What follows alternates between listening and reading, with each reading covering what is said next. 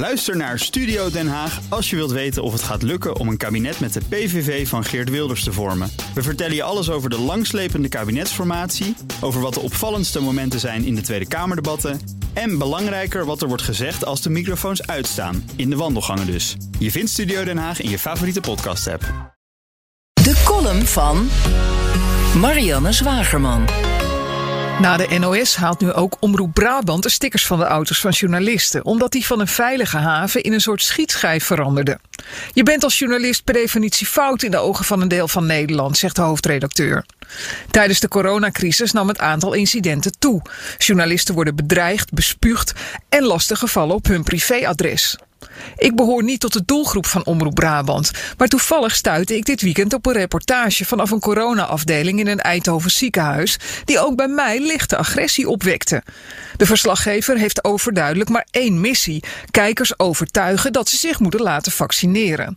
Met een stemmig muziekje onder de beelden gaat hij op jacht naar spijt op tante. Dat lukt niet erg. De arts legt hem uit dat een ruime meerderheid van de coronapatiënten gevaccineerd is.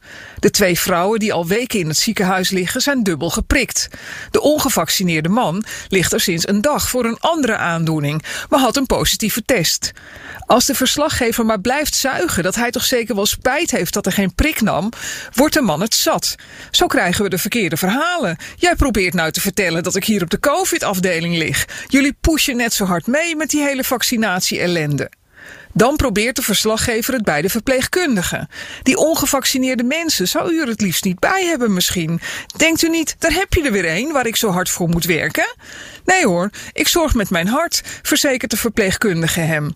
De verslaggever geeft nog niet op. Toch kan ik me voorstellen dat je denkt, jij had hier niet hoeven liggen. Dan had ik het wat rustiger gehad. Ja, dat kan je over alles zeggen, ook over mensen die te veel eten, benoemt de verpleegkundige de olifant in de kamer. Want de dubbelgeprikte dames zijn morbide obese en voldoen daarmee aan het standaardbeeld van ernstig zieke coronapatiënten, maar kregen geen enkele kritische vraag over hun levenskeuzes. Zelfs niet toen de ene een voorzetje gaf. Ze ontdekte dat ze corona had omdat ze haar taartje niet meer proefde. Dat ze taartjes beter kan laten staan, bleef onbenoemd.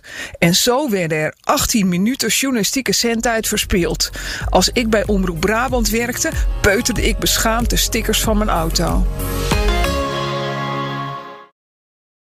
Ook Hugo Reitsma vind je in de BNR-app. Superhandig die BNR-app. Je kunt alle programma's live luisteren, breaking nieuwsmeldingen. Je blijft op de hoogte van het laatste zakelijke nieuws. En je vindt er alle BNR-podcasts, waaronder natuurlijk de belangrijkste, Boeken zijn in de wijk.